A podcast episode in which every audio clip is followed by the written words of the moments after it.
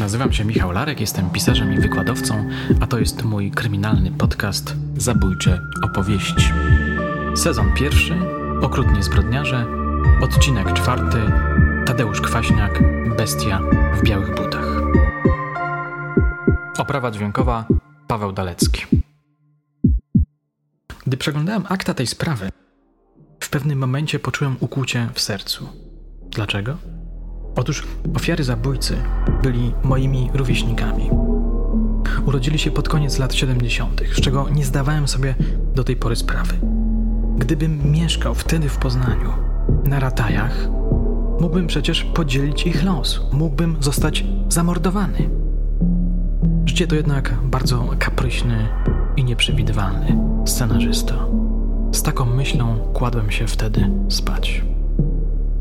26 luty 1991 rok. Osiedle Piastowskie, Rataje, Poznań. Po godzinie 15 pani Janina wraca z pracy do domu. Pyta męża, gdzie jest Krzysiu, ich dwunastoletni syn. Ten odpowiada, że jeszcze nie wrócił ze szkoły. Matka zagląda do pokoju chłopca i nagle mieszkanie rozdziera jej przeraźliwy krzyk. Gdy weszłam do pokoju synka, powie później, zobaczyłam go leżącego na tapczanie, pod kołdrą, buzią do podłogi. Cały był siny. Na szyi miał zaciśnięty ręcznik. Wezwałam męża i krzyczałam o pomoc. Z mężem odwiązaliśmy ręcznik. Zadzwoniłam po karetkę. Wkrótce na osiedlu zrobiło się zbiegowisko. Traf chciał, że w pobliżu z wizytą u matki przebywał nadkomisarz Jerzy Jakubowski, zastępca naczelnika Wydziału Dochodzeniowo-Śledczego Poznańskiej Komendy Wojewódzkiej. Gdy zorientował się w sytuacji, przejął dowodzenie nad czynnościami. Poleciłem, aby odwiedzić każde z mieszkań w bloku, w którym dokonano zabójstwa, a także w bloku naprzeciwko i w kolejnych, wspomina po latach. Wszystko miało być starannie udokumentowane. Była wtedy godzina 18.30. Dzięki żmudnej i sumiennej pracy udało się pozyskać pierwsze ważne informacje. Z rozpoznania wiedzieliśmy już, że chłopiec rozmawiał z mężczyzną pod blokiem około godziny 7.45, dodaje Jakubowski. Powstał portret pamięciowy człowieka w ortalionowej ciemnej kurtce i czapce z charakterystycznymi wystającymi kośćmi żuchwy. W pewnym momencie pojawiła się informacja, która zmieniła radykalnie ogląd sprawy. Jaka? Oto Biuro Kryminalne Komendy Głównej Policji koordynuje sprawę o kryptonimie Zemsta, która dotyczyła serii zabójstw i usiłowań zabójstw nieletnich chłopców na terenie całego kraju. Skąd ten filmowy kryptonim? Tak to wyjaśnia Marek Bronicki, który brał udział w śledztwie. W mieszkaniach, w których doszło do zabójstw, sprawca pozostawiał napisy zemsta, nareszcie dokonałem oczekiwanej zemsty. Pisał na łazienkowych lustrach, na kartkach. Zdarzyło się także, że napis ten z polecenia zabójcy wykonało dziecko. Innym razem do rodziców ofiary nadszedł list, w którym ktoś napisał: Nareszcie dokonałem zemsty ZB. Nic dziwnego, że presja, aby schwytać sprawcę, wzrosła radykalnie. Skoro to jest seryjny zabójca, prędzej czy później znowu gdzieś kogoś zabije.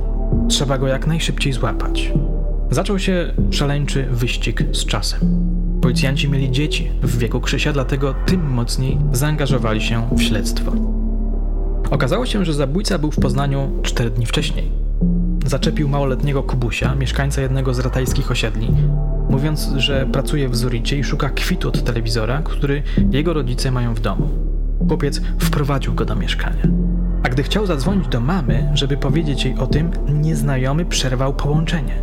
Gwałtownie. Na szczęście nie doszło do tragedii. Dlaczego? Tego nie wiadomo do dzisiaj. Być może przestraszył się fotografii, którą zobaczył na półce, a która przedstawiała umundurowanego wujka albo ojca Kubusia. Poznańska prasa wszczęła alarm. Mieszkańcy strzeżcie się zwyrodnialca, który krąży po kraju i zabija niewinnych chłopców. Może wrócić do Poznania. Nic dziwnego, czyny zabójcy musiały wszystkich przerazić. Posłuchajcie. 20 kwietnia 1990 roku w Bytomiu sprawca próbował zabić Marcina Z, dusząc go ręcznikiem i doprowadzając do kilkukrotnej utraty przytomności. 7 maja 1990 roku w Radomiu zabił Wojtka T, poprzez zadzierzgnięcie ręcznika na jego szyi. 24 maja 1990 roku we Wrocławiu zgwałcił nieletniego Grzesia O, po czym próbował go udusić. 31 maja 1990 roku w Szczecinie zabił Sebastiana J., dusząc go ręcznikiem. 6 czerwca 1990 roku w Kutnie zabił tym samym sposobem Krzysia K. 18 czerwca 1990 roku zgwałcił i udusił Łukasza I. Za każdym razem okładał mieszkanie. Kolejne zabójstwo to zabójstwo w Poznaniu. Wszystko wskazywało na to, że okrutna seria będzie kontynuowana. Pytanie tylko, gdzie sprawca zaatakuje ponownie. Nadkomisarz Jakubowski zaprosił do Poznania na specjalną odprawę policjantów z całego kraju, którzy prowadzili śledztwa związane z zemstą. Dzięki temu zrekonstruowano bieg wydarzeń, podzielono się ważnymi danymi i określono pierwsze wersje śledcze. Wynikiem narady było jednoznaczne przeświadczenie, że sprawcą wszystkich czynów jest ten sam mężczyzna, relacjonuje Jakubowski. Świadczyło o tym wiele przesłanek. Metoda na zaczepki, nazury, modus operandi, duszenie ręcznikiem, czasami gwałt, okradanie mieszkań, napis zemsta, choć nie zawsze. No i rysopis. Cytuję: Mężczyzny w wieku 30-35 lat, dobrze zbudowanego, wzrostu około 175 cm, o ciemnych włosach, zaniedbanego, często ubranego na czarno, mającego ze sobą charakterystyczną dyplomatkę. Interesujące były jego cechy psychofizyczne, dodaje Jakubowski. Miał łatwy sposób nawiązywania kontaktów z dziećmi, a w zasadzie nieletnimi chłopcami. Był aktywnym, niezwykle brutalnym homoseksualistą o zaburzeniu pedofilijskim. Początkowo zabierał starą odzież, a za każdym razem także pieniądze. Zdarzenia miały miejsce w miastach, które były ważnymi szlakami kolejowymi.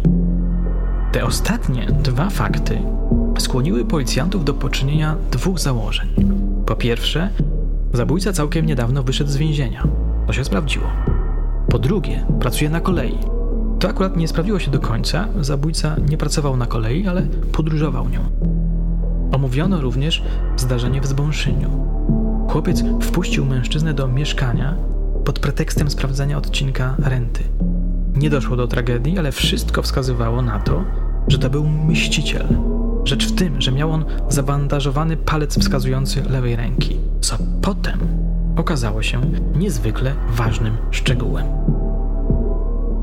Po tej odprawie nadkomisarz Jakubowski postanowił wraz ze swoimi ludźmi działać na dwa sposoby.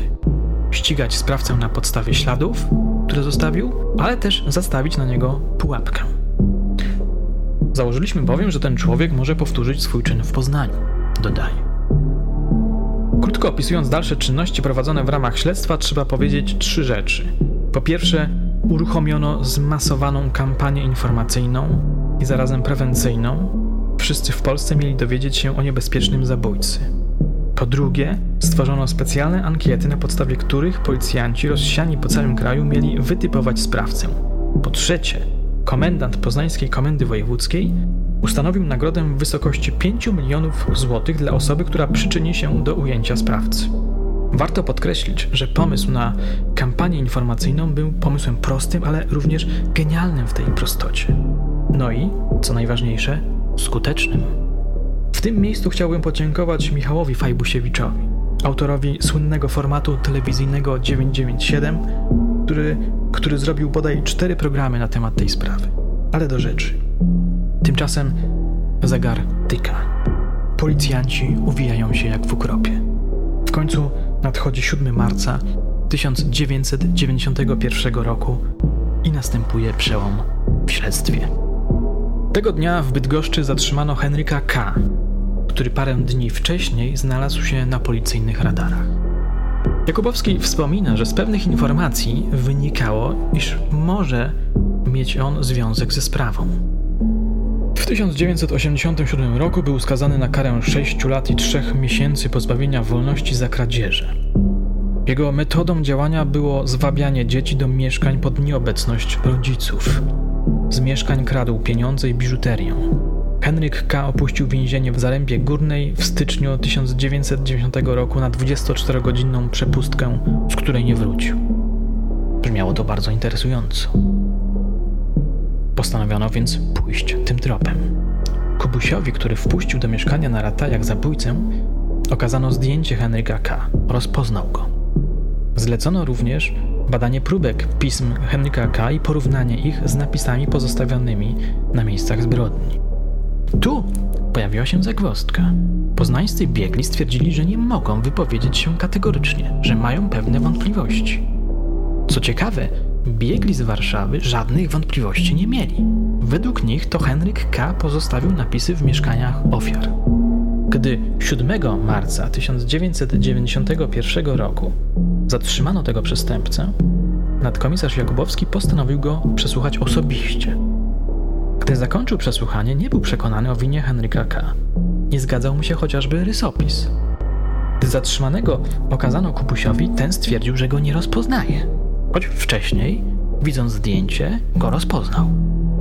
Zaczyna się to wszystko komplikować. W związku z tym zlecono kolejną ekspertyzę pisma. Jej wynik obalił podejrzenie w stosunku do Henryka K. To nie on był autorem napisów. Ale to nie wszystko. Tego właśnie dnia we Wrocławiu dokonano kolejnej napaści na małoletniego chłopca. Kilka elementów wskazywało na mściciela: rysopis, zaczepka, brutalny gwałt, akt kradzieży. Na szczęście chłopiec przeżył. Pościg za seryjnym zabójcą został kontynuowany. Na widnokręgu pojawili się kolejni podejrzani, których trzeba było metodycznie sprawdzać. 18 kwietnia, w piątek, nasz poszukiwany dał znać o sobie ponownie, opowiada Jakubowski. Tym razem w Sosnowcu. Ta sama metoda, ten sam scenariusz. Zaatakowany chłopiec przeżył. Uzyskaliśmy bardzo dokładny rysopis. Chłopiec zapamiętał białe adidasy, brązową dyplomatkę, czarne spodnie, ciemną kurtkę ortalionową. Podał inne istotne cechy rysopisu. Sprawca zaatakował w Sosnowcu, a więc nie zmienił rejonu. 20 kwietnia, rok wcześniej, zaczął swoją zbrodniczą serię w Bytomiu.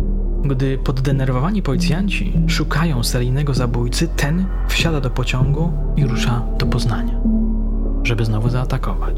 Zamknijcie teraz oczy i wyobraźcie sobie taką oto scenę. Otwierają się drzwi pociągu. Na schodkach widzimy białe, lekko zabrudzone sofiksy. Mężczyzna, którego twarz kamera przed nami ukrywa, schodzi na chodnik, wyciąga papierosy, zapala jednego. Po paru minutach wyrzuca peta, oblizuje językiem usta i idzie w stronę najbliższego przystanku tramwajowego. Jedzie na rataje. 22 kwietnia 1990 roku Rataje, Poznań, poranek. Policja dostaje sygnał od mieszkanek osiedla Rusa, że w okolicy kręci się jakiś podejrzany mężczyzna i zaczepia uczniów, którzy idą do szkoły. Co więcej, około 8.30 oficer dyżurny odbiera telefon od dyrektorki szkoły podstawowej numer 6 na tymże osiedlu. Uczniowie donieśli, że zaczepiał ich mężczyzna z portretu policyjnego. Takich właśnie słów użyli. Z portretu policyjnego. Sytuacja robi się więc bardzo gorąca. Być może to jest mężczyzna, na którego polują policjanci od dwóch miesięcy. Nadkomisarz Jakubowski zarządza oblężenie osiedla Rusa. Bądźcie ostrożni, mówi na odprawie. Żadnych kogutów, żadnych klaksonów, po cichu, po cichu. I żadnych bezsensownych rozmów po drodze po zatrzymaniu, dodaje surowo. Ma być cisza. Niech klient bije się z myślami. Ja go będę słuchał. Osobiście. Pracownicy Wydziału Dochodzeniowo-Śledczego oraz Wydziału Kryminalnego wskakują do samochodów służbowych i prywatnych, po czym ruszają w stronę szkoły. Niezwykle podekscytowani. Scena jak z filmu. Wśród nich jest dwójka funkcjonariuszy, którzy odegrają najważniejszą rolę w tej akcji. Marek Bronicki i Włodzimierz Osys. Zaparkowali samochód przed szkołą około dziewiątej. Po rozeznaniu się w sytuacji doszli do wniosku, że są na tropie właściwego człowieka, seryjnego zabójcy, który wędruje po Polsce i zabija młodych chłopców. Postanowili zrobić obchód osiedla z najbystrzejszym z uczniów. Gdy chłopiec poszedł po kurtkę i tornister, Bronicki oraz Osys wrócili do samochodu. Siedząc na miejscu pasażera, wspominał po latach Bronicki, sięgnąłem po mikrofon, by podzielić się przez radiotelefon rysopisem z pozostałymi załogami krążącymi po ratajskich osiedlach. Poszukiwany ubrany jest w czarne spodnie, nosi kontrastujące śnieżno-białe adidasy, posiada brązową aktówkę. Nadawałem właśnie komunikat, kiedy Włodek spojrzał w lewo na przechodzącego nieopodal szkoły mężczyzny. Spojrzałem za jego wzrokiem, kiedy mi powiedział: Patrz, ten też ma białe adidasy. To wystarczyło, abym przerwał nadawanie komunikatu. Spojrzeliśmy na siebie i w tym momencie Włodek odpalił naszego poloneza. Już wiedzieliśmy, to był on. Samochód wyskoczył szaleńczo na alejkę. Na szczęście nikt w tamtej chwili nie szedł wąską, nieprzystosowaną do ruchu samochodów asfaltową ścieżką. Budynek szkoły znalazł się z prawej strony samochodu. Kątem oka dostrzegłem otwierające się boczne drzwi, przez które wybiegała grupa uczniów na wiosenne ciepło szkolnego dziedzińca. Trzeba było działać szybko z zaskoczenia. Mężczyzna nie mógł zbliżyć się do dzieci, bo nie można było przewidzieć jego reakcji przy zatrzymaniu.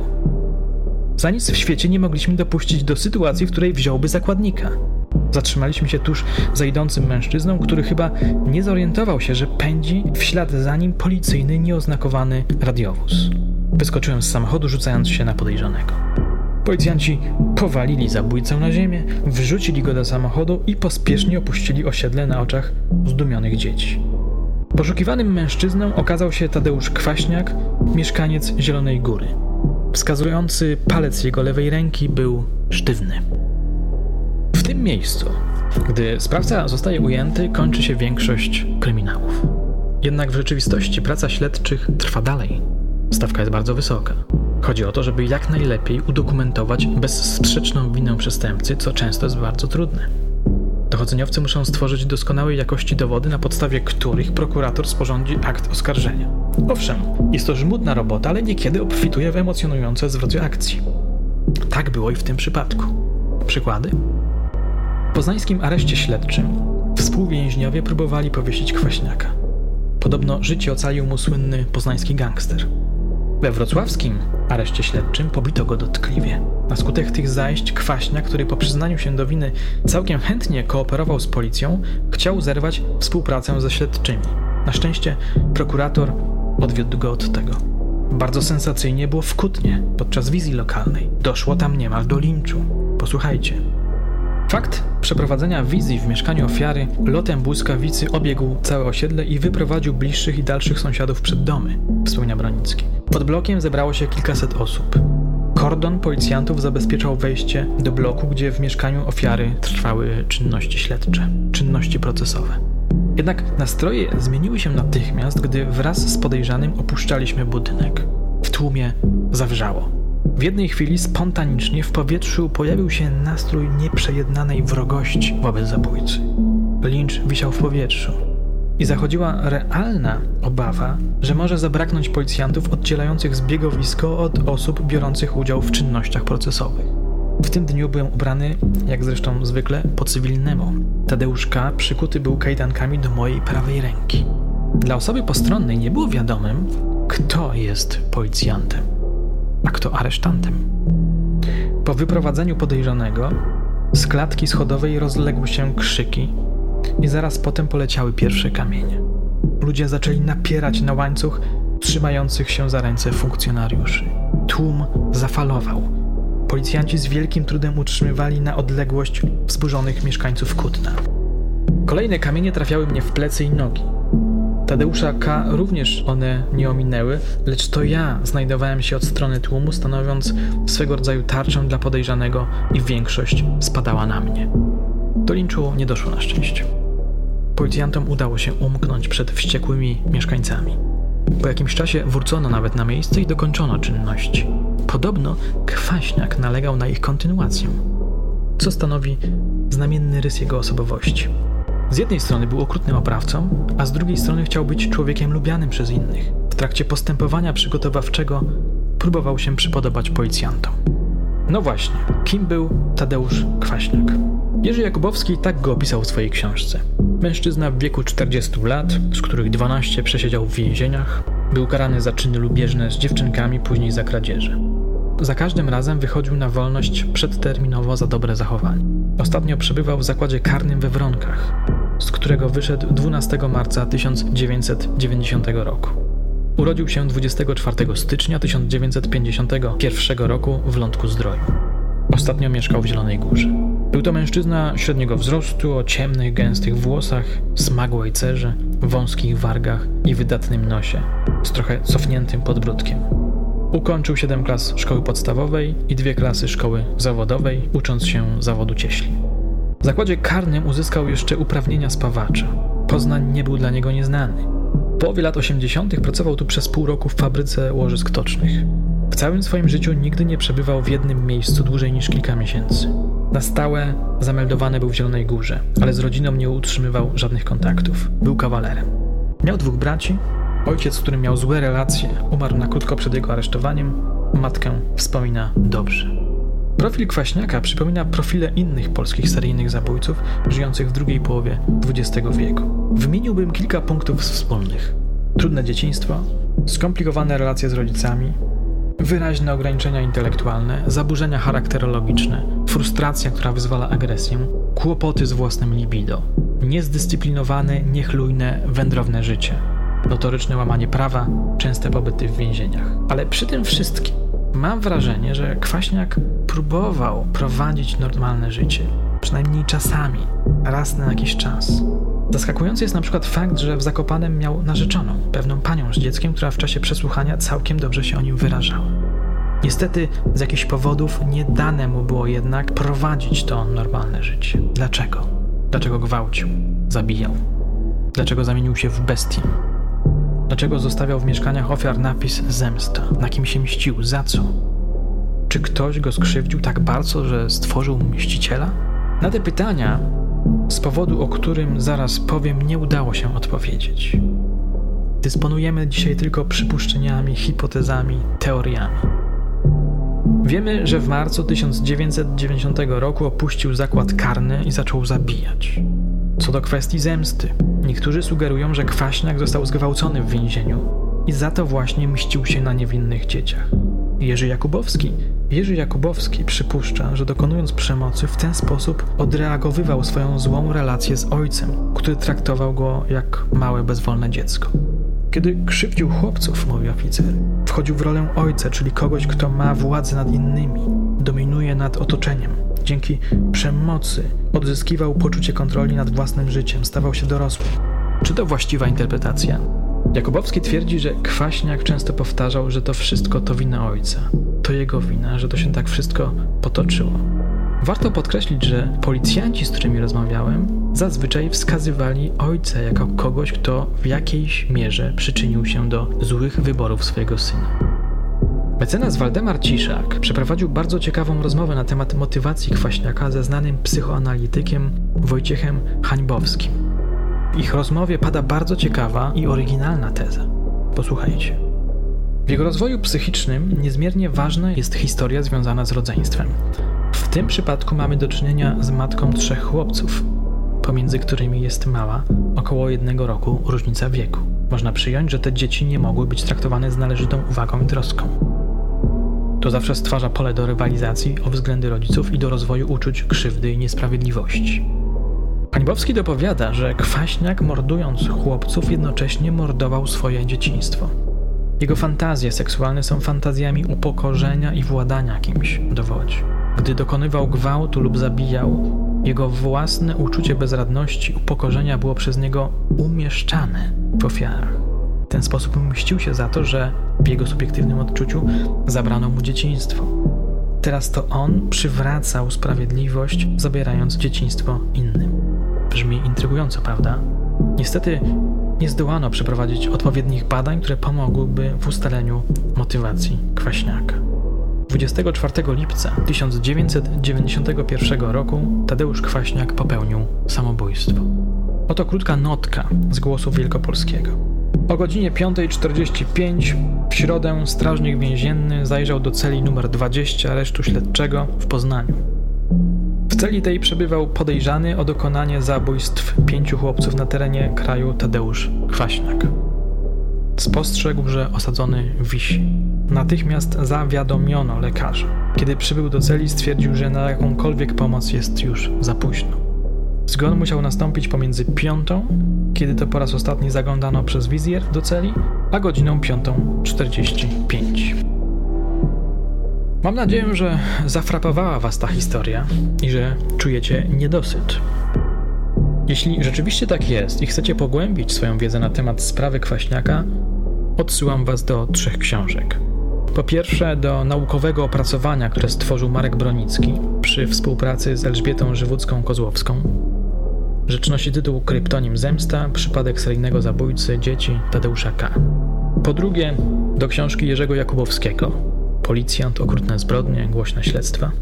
Znajdziecie tam spory fragment zawierający ciekawe szczegóły śledztwa. I po trzecie wreszcie, do mężczyzny w białych butach, fabularyzowanego reportażu, który napisałem razem z mecenasem Ciszakiem. To tyle na dzisiaj. Dziękuję za uwagę. Do następnego odcinka.